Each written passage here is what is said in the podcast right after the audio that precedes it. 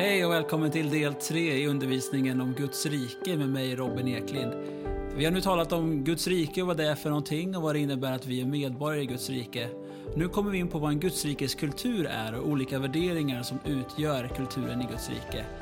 Och den första värderingen som kommer nu är att Gud är god.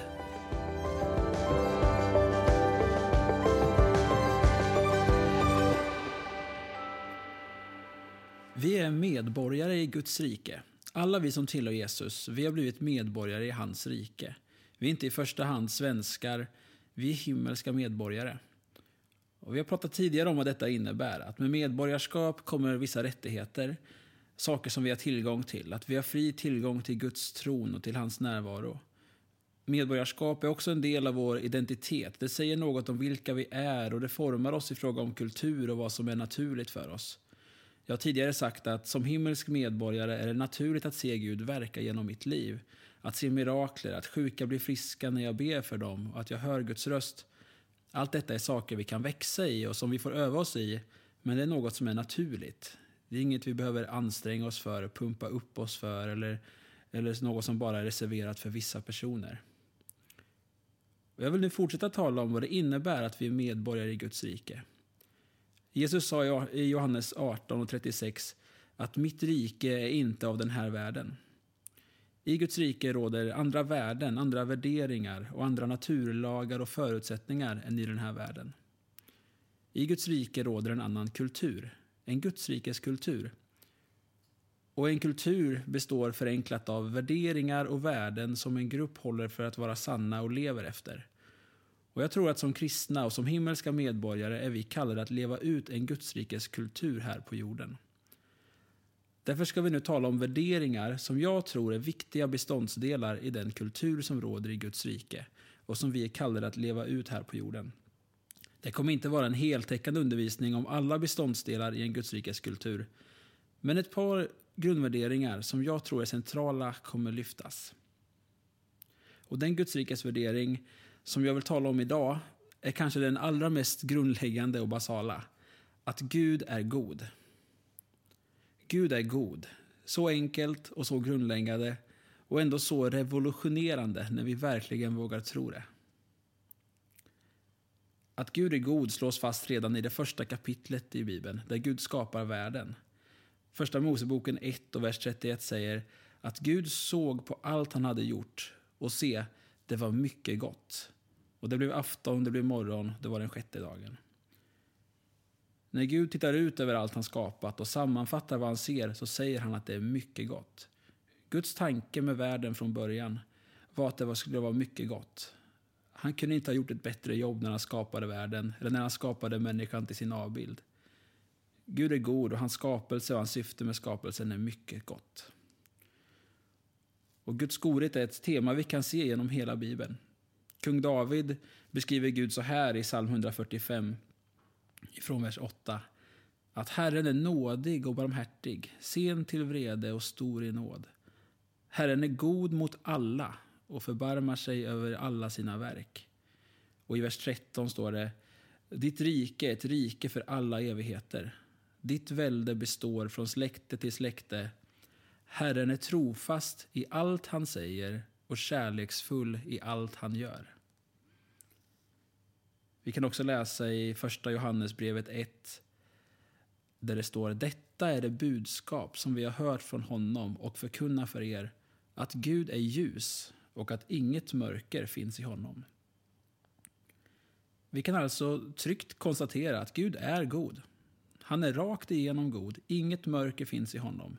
Han är nådig och barmhärtig, sen till vrede och stor i nåd.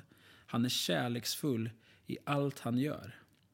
Och det ultimata beviset på hans godhet ser vi i Jesus. Gud som blir människa, lämnar himlens härlighet för att dela människans villkor och rädda en fallen värld. Jag skulle vilja säga att Gud är godare än vi tror. Vi kan aldrig överdriva hans godhet. Gud kommer liksom inte komma till mig en dag i himlen och säga Robin, det är en sak jag skulle vilja säga till dig. Jag var inte riktigt så god som du trodde att jag var. Nej, Gud är god. Han vill dig väl. Han är på din sida och han har goda tankar och planer för dig. Ändå tror jag att vi ibland har svårt att fullt ut våga tro detta. På något sätt känns det för bra för att vara sant. Vi kan ha svårt att tro att Gud verkligen genuint kan älska oss när vi stundtals brottas med att kunna älska oss själva. Och vi kanske lever med en känsla ibland av att Gud är besviken eller missnöjd med oss. Och vi lever i en trasig värld som får oss att undra hur det verkligen är möjligt att Gud är god. Därför skulle jag vilja marinera dig i den här sanningen idag.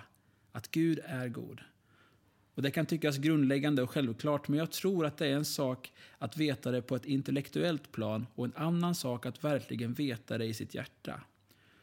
Och Jag tror att Gud vill att det ska få landa i våra hjärtan idag. Och Det är min bön när jag delar den här undervisningen, att det verkligen skulle få landa i ditt hjärta. Och jag brukar säga att det är en av de viktigaste sakerna vi kan säga om Gud, att han är god. Därför att när vi verkligen lever våra liv utifrån den verkligheten så får det vissa konsekvenser i våra liv.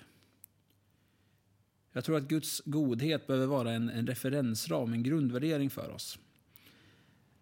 En referensram är, tänker jag, ett perspektiv som vi ser livet igenom. Att ett perspektiv som vi tolkar det som händer oss. Till exempel om jag får punktering på min cykel när jag är på väg till, till jobbet om jag då har en grundvärdering av att Gud är besviken på mig eller att Gud är ute efter att straffa mig så kommer jag tolka punkteringen utifrån det. Men om jag istället har en grundvärdering eller referensram av att Gud är god, att han är på min sida, så kommer jag tolka den här punkteringen och den situation jag hamnat i på ett annat sätt och se att Gud vill vara med mig i det. Så att Gud är god är någonting som får konsekvenser för hur vi lever våra liv och hur vi ser på vår, på vår tillvaro. Och därför så vill jag nu lyfta fram några konsekvenser av att Gud är god. Eftersom Gud är god kan vi be frimodigt. Gud är på vår sida. När vi ber för situationer eller för människor eller vårt land så behöver vi inte övertala Gud. Ibland kan vi få för oss att Gud egentligen inte vill röra vid människor, att han inte vill hela eller inte vill röra vid vår stad och att vi i vår bön behöver övertyga Gud om att detta är en bra idé. Jag tror att det gör något med vår tro och förväntan när vi ber med vetskapen om att Gud är god, att han är för oss, att han är på gott humör och han längtar också efter att hans rike ska få bryta fram i den situation som jag ber för. Jag tror ofta att han längtar efter det mer än vad jag gör.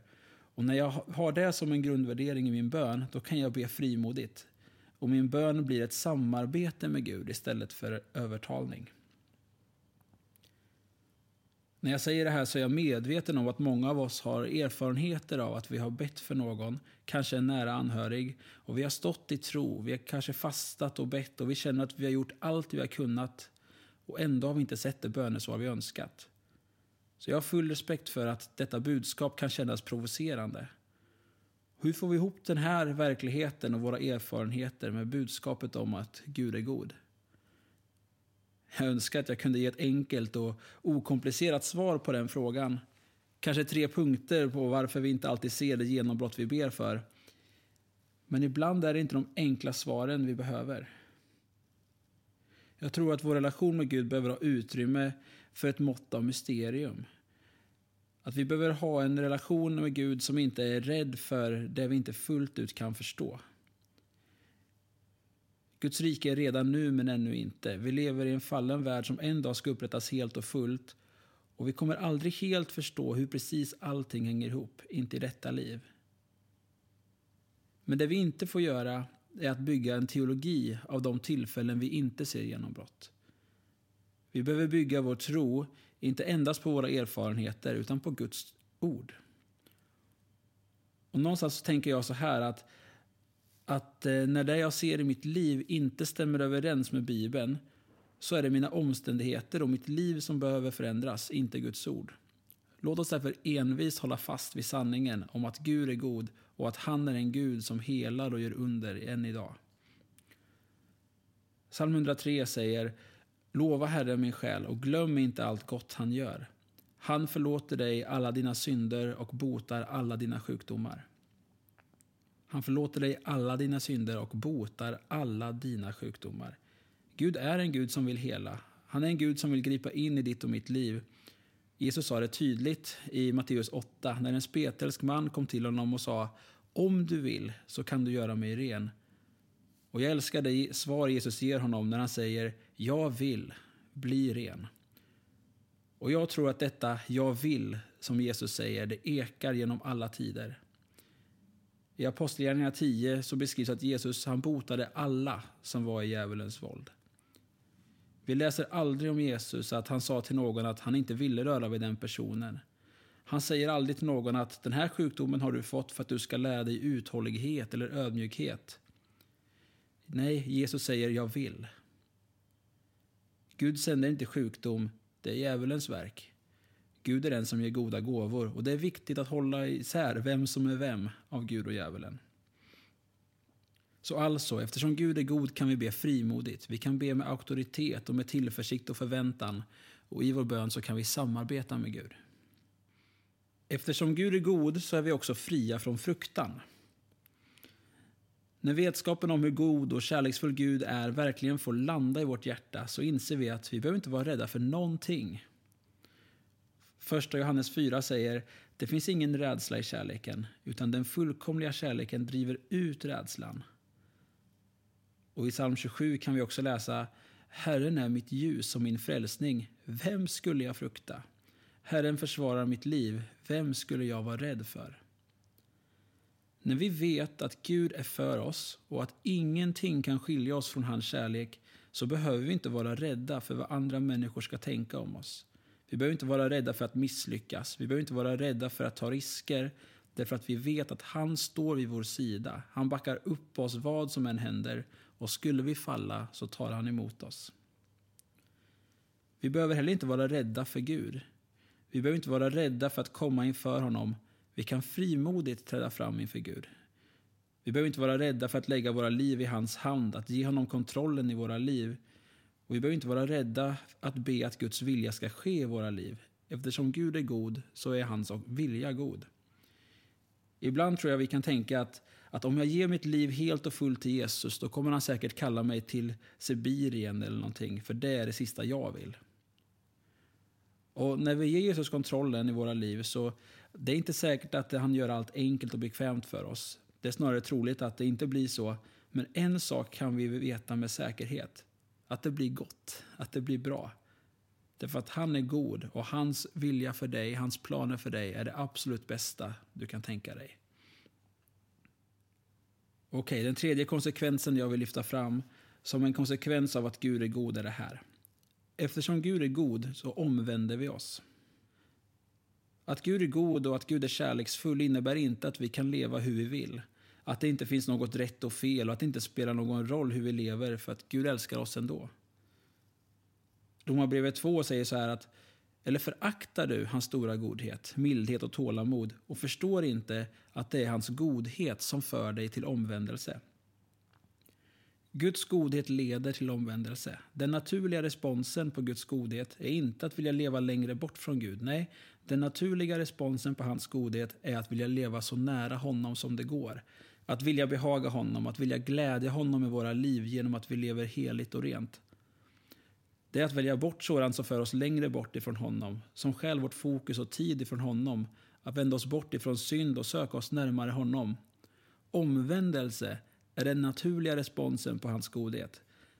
Det är en omvändelse vi gör, inte av fruktan eller rädsla, inte för att han ska älska oss mer eller för att försöka förtjäna hans kärlek, utan vi omvänder oss därför att han älskar oss, därför att han är god. Så min bön idag är att sanningen om Guds godhet skulle få gå från vårt huvud till vårt hjärta. Det kanske är ett välbekant koncept, men det leder till sådan frihet när det blir en grundvärdering i våra liv. Att Gud är för oss, att Gud vill gripa in i våra liv, att Gud faktiskt tycker om oss, att han är med oss. Och när det är grunden i våra liv, då kan vi vara frimodiga. Då kan vi be med tillförsikt. Då blir vi fria från fruktan och det leder till att vi vänder oss bort från allt som håller oss tillbaka för att vara nära honom. Så denna tanke vill jag skicka med dig idag. Låt Guds godhet få vara en grundvärdering i ditt liv som du ser den här dagen igenom. Gud välsigne dig idag. Kom ihåg att Gud älskar dig. Amen.